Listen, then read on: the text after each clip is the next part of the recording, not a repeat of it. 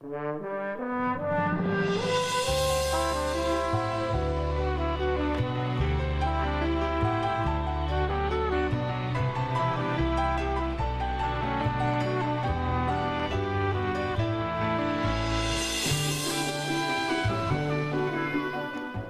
Penedès estem envoltats de cellers i de persones que ens enriqueixen el territori. Ja sabeu, nosaltres cada diumenge rebem un celler per conèixer qui s'amaga darrere dels vins i escumosos que elaboren. Avui coneixerem a tres persones, són tres amics, que tots tenen una àmplia trajectòria en el seu sector, fan les seves feines, però que els diumenges, o sigui, avui, en comptes de relaxar-vos amb un bon vi, bé, és el que ara estem fent, doncs heu decidit crear el vostre vi. Laia Esmel, bon dia. Hola, bon dia. Oriol Roig, bon dia. Bon dia. Jaume Vilaseca, bon dia. Bon dia, Clara. Com esteu? Molt bé. Superbé. Clar, o sigui, avui va molt bé, perquè vosaltres sou els diumenge, no? I estem a diumenge. Collonut. Som uns domingueros. Som Aba- els domingueros del vi. Abans de res, us he presentat una mica, però presenteu-vos vosaltres. Qui, qui sou? El típic joc ara de qui, qui li toca, qui li toca, Laia. Una Va, mica jo sempre, cognom, sempre em fan parlar a mi, però no passa res. Ah. Um, a veure, som tres amics apassionats del món del vi, que tenim unes feines que estan molt vinculades al món del vi, i tot surt com sempre, sopant, entre vins, passant-nos-ho bé, i què fem, què fem? Doncs pues fem vi. I quan ho fem? Doncs els diumenges, que és l'únic dia a la setmana, que en teoria no treballem.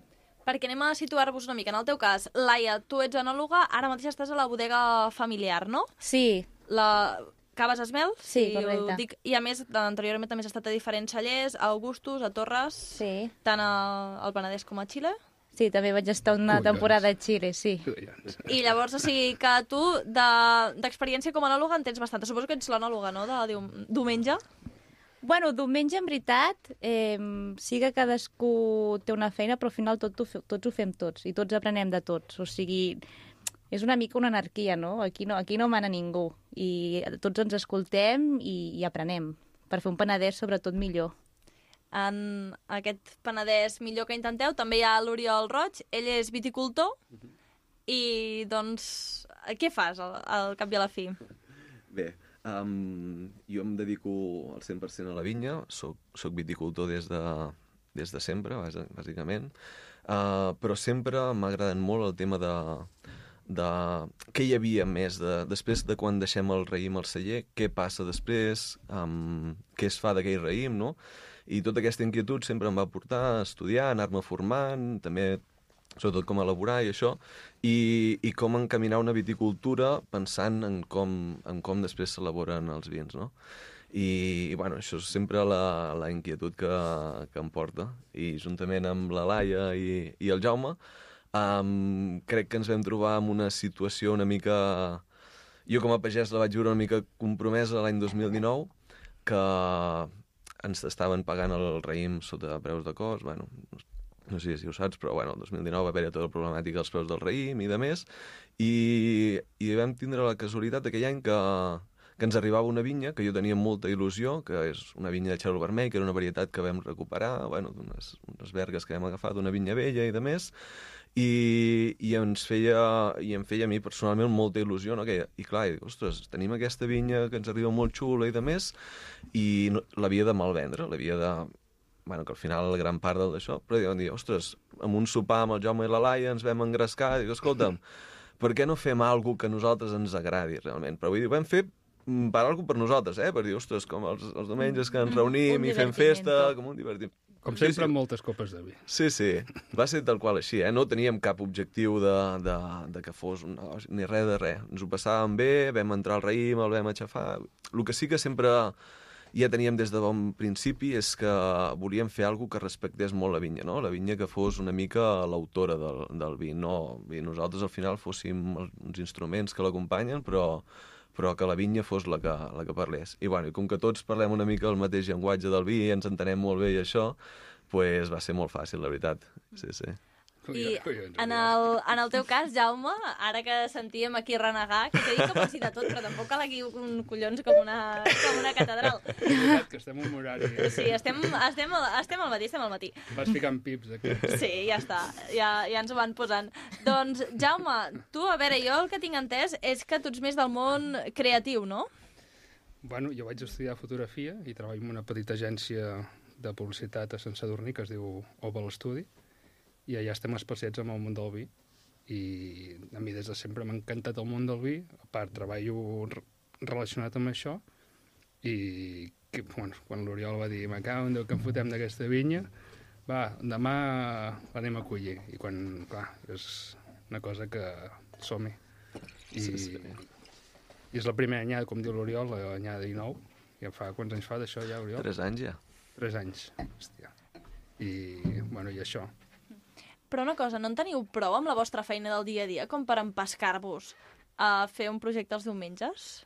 Però no és, jo no, no és una feina, No. és un hobby per, per nosaltres. Nosaltres no ens hi... Ara mateix no ens hi dediquem a, a això. És, és, ostres, l'estona que passem, jo almenys en el meu cas, eh? l'estona que passem al celler, quan entrem al raïm, eh, aboquem les caixes, i, ostres, és, és una il·lusió. Jo personalment com a pagès, més gran, que hem vist tota l'evolució durant l'any i de més, ostres, però entrar al celler, al raïm, poder provar el mos, però, ostres, és una il·lusió. No, per nosaltres, almenys pel meu cas, no és una... A mi em fa una il·lusió terrible. A veure, és... No sé com dir-ho, com, com ha comentat l'Oriol, no és una feina per nosaltres, això. Ojalà ens poguéssim dedicar al 100% a això en un futur, però um, ho disfrutem i sobretot també és com un objectiu que volem potenciar un Penedès, potenciar unes varietats um, autòctones, un territori, i que aquesta feina, entre cometes, a la llarga, pues, nodreixi molta gent i puguem arribar molt lluny. Perquè, clar, vosaltres, per lo que dieu, en un principi, doncs, la vostra idea era més aviat un divertimento, un, doncs, passar-ho bé, però potser s'us està anant una mica, una mica de mare, no? Sí, Perquè... aquest any se'ns ha anat a la olla, sincerament. Per què? Què ha passat aquí? Uh, nosaltres vam començar, com ha dit l'Or- l'Oriol, amb un bocoi, amb 500 quilets, pues vam fer vi i la nostra intenció... Ai, perdona, eh, que sí. jo a vegades em lio amb tantes paraules. Bocoi, què és un bocoi? Eh, diguéssim que és un recipient de plàstic gran, vale? com una galleda enorme, Sí? que té una capacitat des de 150 litros, 300, etc. Però és un material que higiènicament és més fàcil de treballar i una eina que també és més econòmica que no pas un tanc d'acer inoxidable. O sigui, això seria el bocoi, ¿vale? I això ho vam fer sota el graig de, de, casa, de casa meva, i, però va ser com molt improvisat. O sigui, l'Oriol, hòstia, tinc que tirar un, un raïm a la pila, no? tota aquesta feina que fan els pagesos, eh, molts cellers després no la traslladen, sinó queda allà la pila amb, molta, amb moltes piles més, no saben ni quin vi ni, ni quin lloc va parar, i, hosti, una varietat com el xarol vermell, que és tan desconeguda i que té tant potencial i que fa molts anys enrere hi havia hagut tant de xarol vermell, però no se'n va saber treure un rendiment pels tipus de vins que es feien, pues, quan ens ho va comentar va ser, va, tu, l'endemà anem a collir, que feia una calor, encara me'n recordo, allà al migdia, agafant el raïm, el vam entrar a casa, i um, com que no teníem fred, que amb els vins a vegades necessites fred, doncs amb garrafes d'aigua congelada, doncs a fer vi, tu, i, i anar, i a, i a provar i a provar, i, i bueno, també venim de... som sadurninencs, també, venim del món de les Què? bombolles. Som sadurninencs? Ah, o sigui... Sí, el món sou- del cava. Sí, que sou Sí, de Sant sí, Sadurní sí. i que Sant Sadurní, doncs, en comptes de beure vi, normalment beuen, beuen cava per Sí, sopar i sí. aquestes coses. Una... Naixem, naixem una amb una ampolla de cava... sí, clar. sí. Allà esmorzem, dinem i Sí, sopem sí. en cava, amb tot. I llavors, pues, també com que volíem que la protagonista, com ha comentat, ha comentat abans l'Oriol, fos la vinya, pues, hem treballat amb molt poca intervenció. Nos- Nosaltres només som guies, guiem el vi, eh, és a dir, no posem putingues perquè sigui un vi eh, molt genèric i molt comercial i que pugui agradar a tothom, sinó era un vi molt personal, però que ell mateix s'anés expressant. I llavors ens ho vam expressar fent unes bombolles, que després ho explicarem, que és fent el mètode, mètode ancestral. El mètode ancestral és cert que ara està doncs, una mica de moda, després hi entrarem. Això sí, clar, vosaltres, si era més aviat una idea, com vau poder tirar endavant? Com ara tu deies una mica, Laia, no, doncs, que vau aprofitar la vinya de l'Oriol, a casa teva que teníeu doncs, Tenim un espai, sí. un espai, però clar, um, teniu un lloc físic, un, com una seu de diumenge, o com funciona això ara Doncs mateix? mira, aquest espai era... Bueno, uh, aquest espai es troba a Sant Jaume Sis Oliveres. On vale? està, Sant Jaume Ses Està, Oliveres? és una, de la, una petita organització, nucli ru- rural de, del municipi de Piera, Mm. cap a la Noia, i era la, la casa dels meus, dels meus avis, que eren pastors. Vale? I allà on ells mataven els animals, pues, ara pues, s'ha convertit en un celler. Vale? I llavors és un espai que és fresc, també, que hi ha una certa humitat. No pensem que és com les caves, no?, que tenen un fosso, no, sinó que és un espai molt fresc, molt fresc, són parets de tàpia, vale? i allà es conserva molt bé el vi, i doncs mira, teníem aquest espai i, i ho vam fer allà. O sigui, no, no, no, no, no, eren, no, no ens imaginàvem què anàvem a fer, només ens ho volíem passar bé. I, el- i ens ho passem bé, doncs, com diem, els, els diumenges, no? que allà la gent d'allà gran diuen els, du, els diumenges, i aquí és una mica El joc de el joc paraules, de no? paraules, sí. El joc, de, el joc de paraules. Doncs bé, si us sembla, també el que hem fet és que diferents persones ens enviessin doncs, preguntes que us recordem. Podeu enviar un, un missatge, un correu electrònic a cap de setmana arroba rtbvilafranca.cat i allà doncs enviar les vostres, els vostres problemes, les vostres preguntes, el que sigui. En aquest cas, el Josep ens ha fet una pregunta. Quin és el secret de l'envelliment dels vins negres perquè tingui tant a veure eh, la bota? Um, quin és el secret dels vins negres? Jo em pensava que contestaria la Laia, però sembla que esteu aquí assenyalant el Jaume. Bueno, nosaltres justament de vins negres no en fem. Llavors això potser no, no és el millor moment. A veure, la pregunta, quina era? Perdona? Quin és, ara que... Quin és el secret, no?, de l'envelliment dels vins negres. Em podeu corregir una mica, si heu escoltat Sí, bé la pregunta? sí, sí, no? Bota, en, no verita, en veritat no hi, ha, no hi ha cap secret, o sigui, al final les, la, has de saber observar de què parteixes, de quina vinya parteixes, si és jove, si és vella, quin tipus de sols té, llavors et donarà un tipus de raïm, un raïm més madur, un raïm més fresc, un raïm més pla, i a partir d'aquí doncs, l'enfocaràs a un tipus d'elaboració, i això és algo molt personal per cada celler. Mm, En temes molt genèrics, com t'ensenya l'enolo- l'enologia de llibre, per dir-ho així, pues, potser vins de varietats que són una mica negres, més rústiques, més pesants, amb un taní molt amarg o molt marcat, pues, li va molt bé la barrica perquè el que fa és arrodonir aquests tanins. Però bueno, això són termes genèrics, que al final és molt personal de cada celler. Doncs pel Josep que ho sàpiga, que és una qüestió molt personal. I ara, amb aquesta segona qüestió que ens han enviat, haureu de prendre punts perquè hi ha unes quantes preguntes, d'acord? Ui, La meva pregunta seria, dintre de la vostra manera d'elaborar, quina importància li donaríeu a la vinya? Després també preguntaria pel tema de biodinàmic i o no, agricultura biodinàmica i ecològica. L'esteu treballant? I si l'esteu treballant, eh, que, quina influència creieu que té amb la qualitat del producte? Doncs bé, uh, us ha fet quasi que tota l'entrevista, ha fet de presentador, en aquest cas la pregunta ens l'ha enviat el Roger Canals. Comencem pel principi, no anem a pams. Um, la importància de la vinya. tota, tota, tota.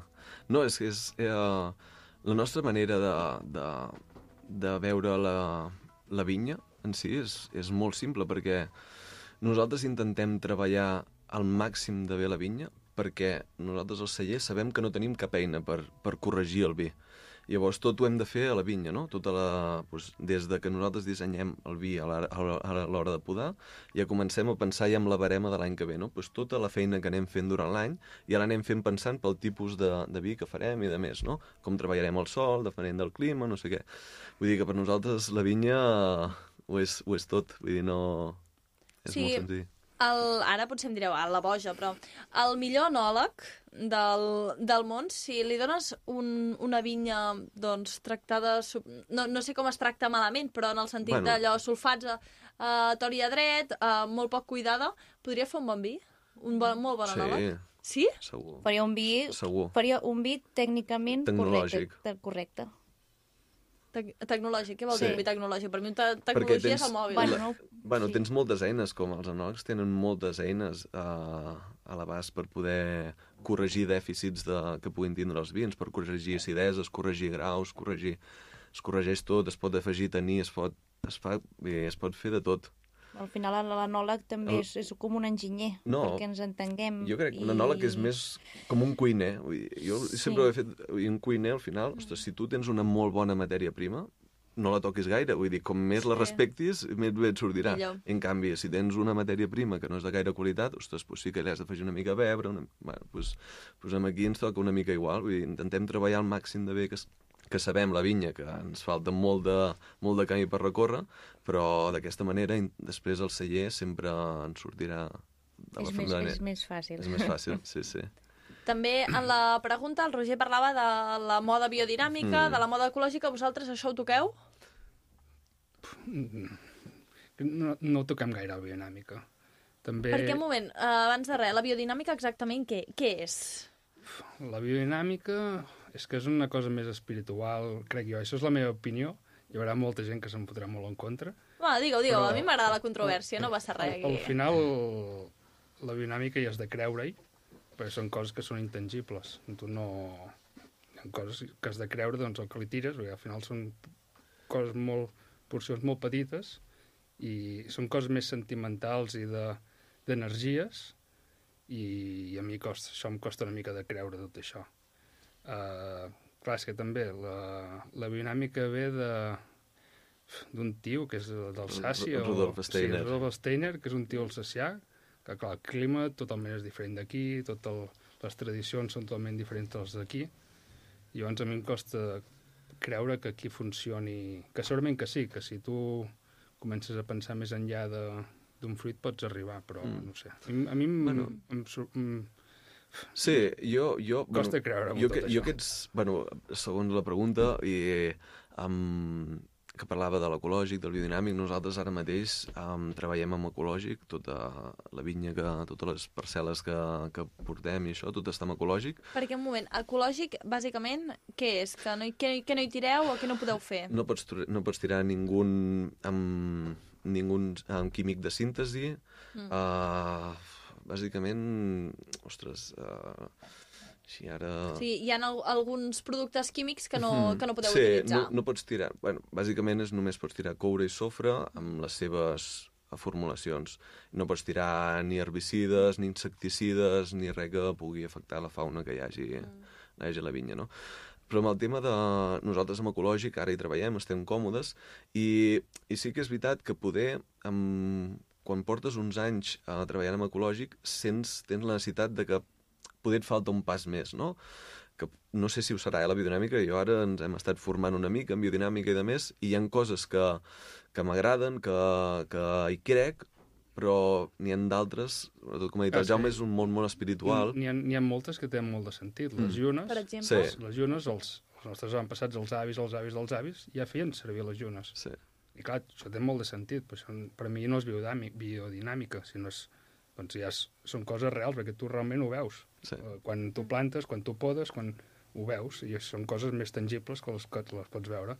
Que la biodinàmica com a tal, Mm. a mi m'agrada més parlar de la, de la, de la, de la manera de, de tractar la vinya amb tradicions, que Sí. és la nostra tradició, els nostres avantpassats com ho fèiem, Mhm. no de parlo de fa vuit- 80 anys ni 90, sinó 200, Sí, de no, sí. de no, Fins a- de no posar-hi una etiqueta, no? Sí. Correcte. Més que l'etiqueta de, Ah. de màrqueting de la biodinàmica, que, no sé, crec que ja està passat de moda, fins i tot. Jo, amb- jo amb això estic molt d'acord amb, amb el Jaume, perquè crec que el, si tornem una mica... Jo crec que al final és tornar una mica a, a com treballant els nostres avantpassats, no? Els nostres avantpassats, al final, quan parles de la biodinàmica, que parla de l'organisme granja, antigament els nostres avantpassats ja treballaven així, perquè tots tenien animals, tots tenien una mica de- d'hort, tots tenien una mica... Bueno, i ells mateixos, fe, eh, el, els fems que, que tenien dels cavalls o de les vaques o també els feien servir per l'hort, tenien una Sí, mica sí. sembrat...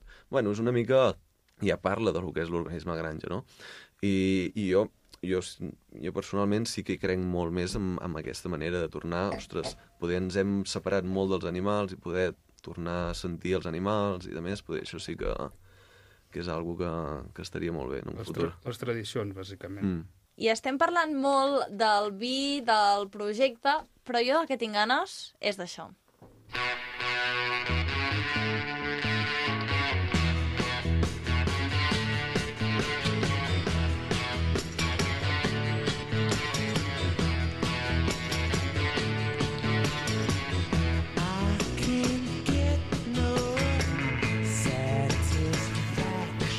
Ara ve el moment que fem una cata de vi radiofònica.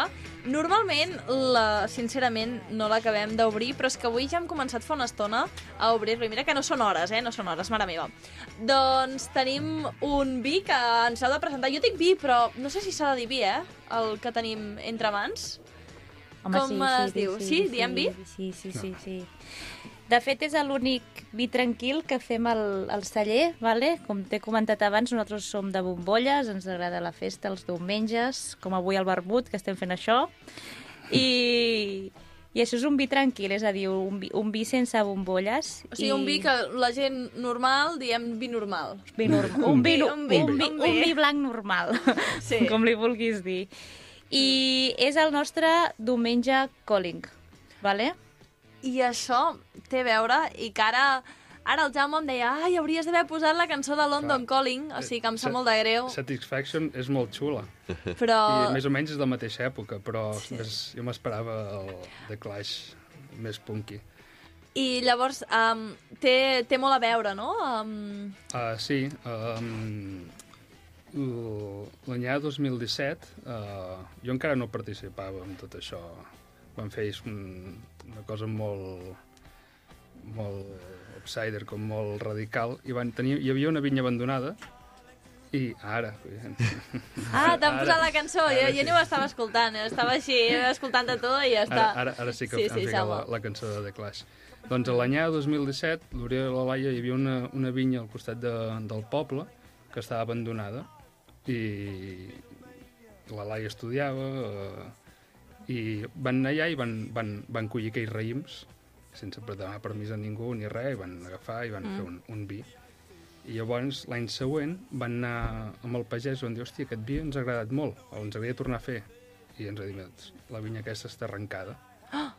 I clar, aquella vinya ja estava arrencada i aquell vi ja no es podia tornar a repetir mai més.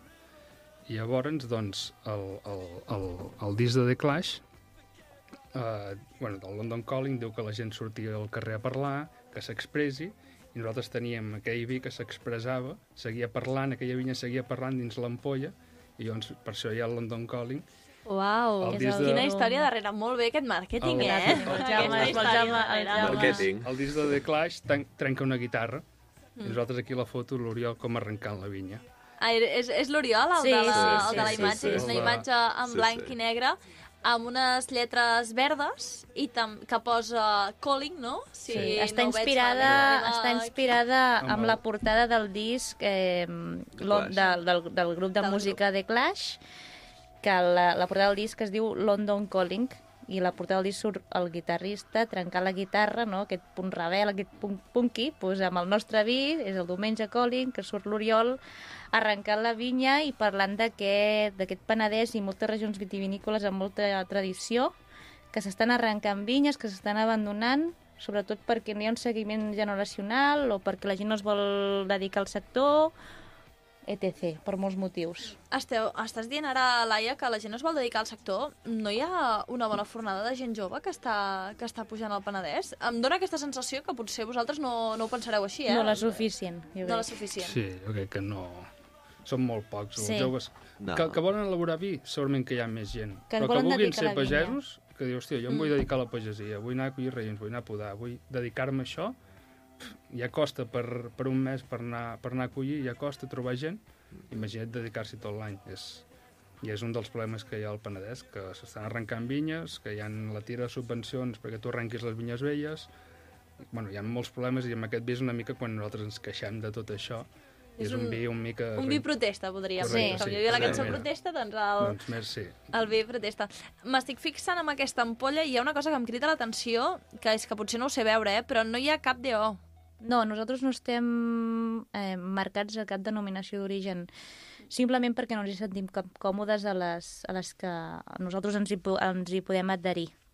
No, ni DO Penedès, ni no, DO Cava, ni no? DO Catalunya. I els... Ara no em sortirà el nom, aquest Corpinat? Bueno, això seria com un grup col·lectiu, eh? Sí. No és una DO. En aquest cas us sentiríeu identificats o tampoc?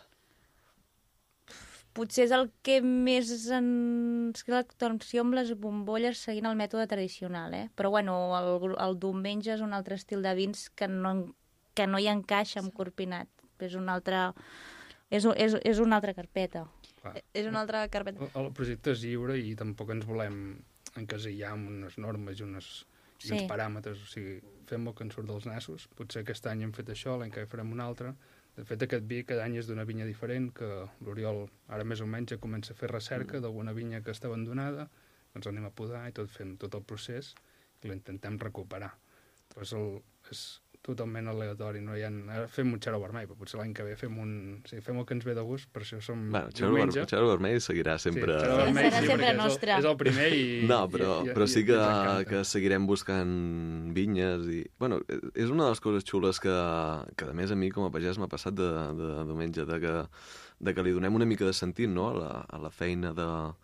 Perquè al final jo com a pagès ho visc en primera carn de que, ostres, de que a vegades estic en una vinya, la vinya del veí, una vinya molt maca, molt vella i de més, i, i que s'ha d'acabar arrencant perquè, no és, perquè és poc productiva, perquè el celler no li paga prou amb el pagès i de més, no?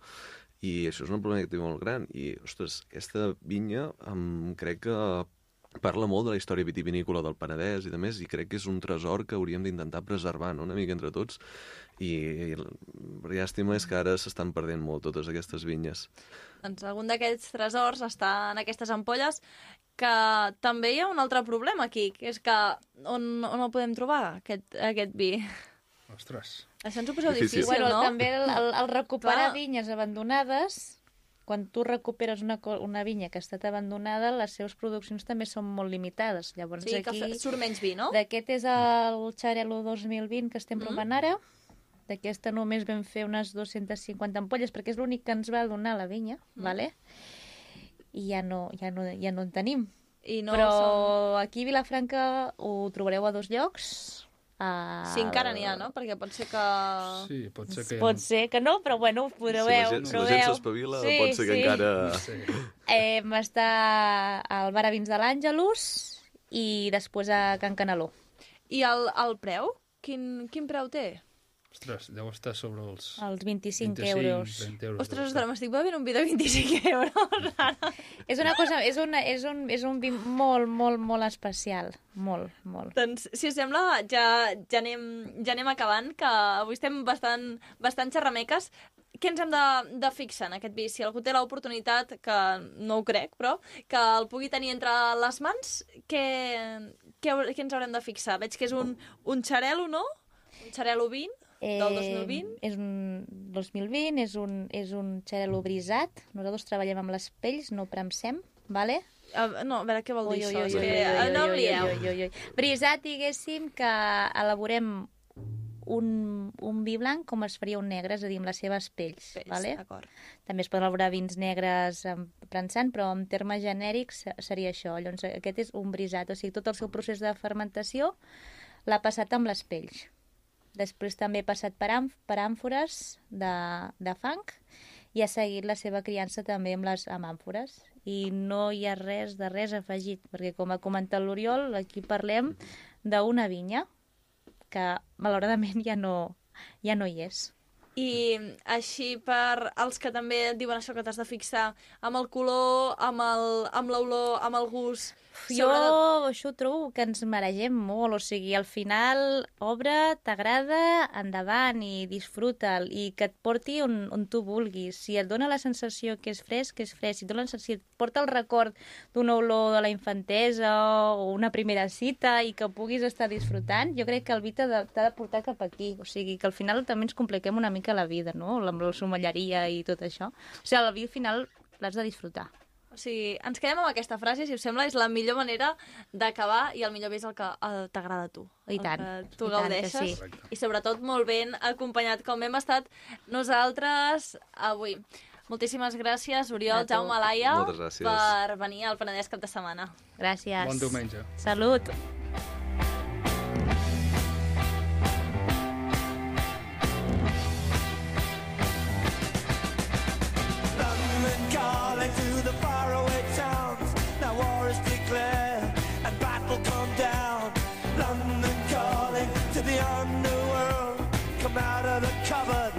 Boys and girls. London calling, now don't look to us. Phony Beatlemania has bitten the dust. London calling, see we ain't got no swing except for the rain and the crunch of thing. The ice is coming, the sun's zooming in. Meltdown expected, the wheat is good thin. Engines stop running, but I have no fear, cause London is drowning. I the imitation zone. Forget it, brother, you can go it alone. London calling to the zombies of death. Quit holding out and draw another breath. London calling, and I don't wanna shout. But while we were talking, I saw you nodding out. London calling, see we ain't got no hide, except for that one with the yellowy eyes. The ice coming, the sun's zooming in. Engines stop running, the wheat is going thin. A nuclear error, but I have no fear, cause London is drowning. I, I live by the river.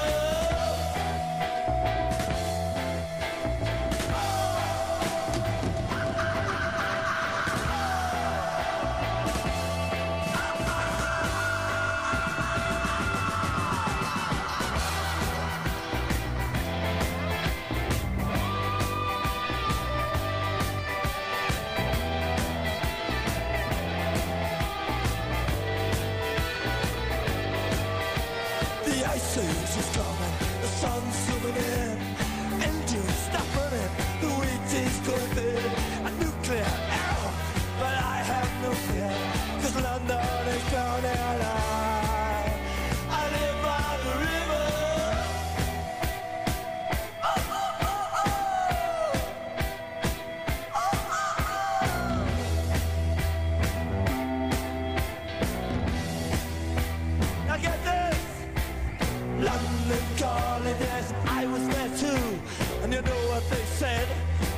it was true. Running calling at the top of the dial. And after all this, won't you give me a smile?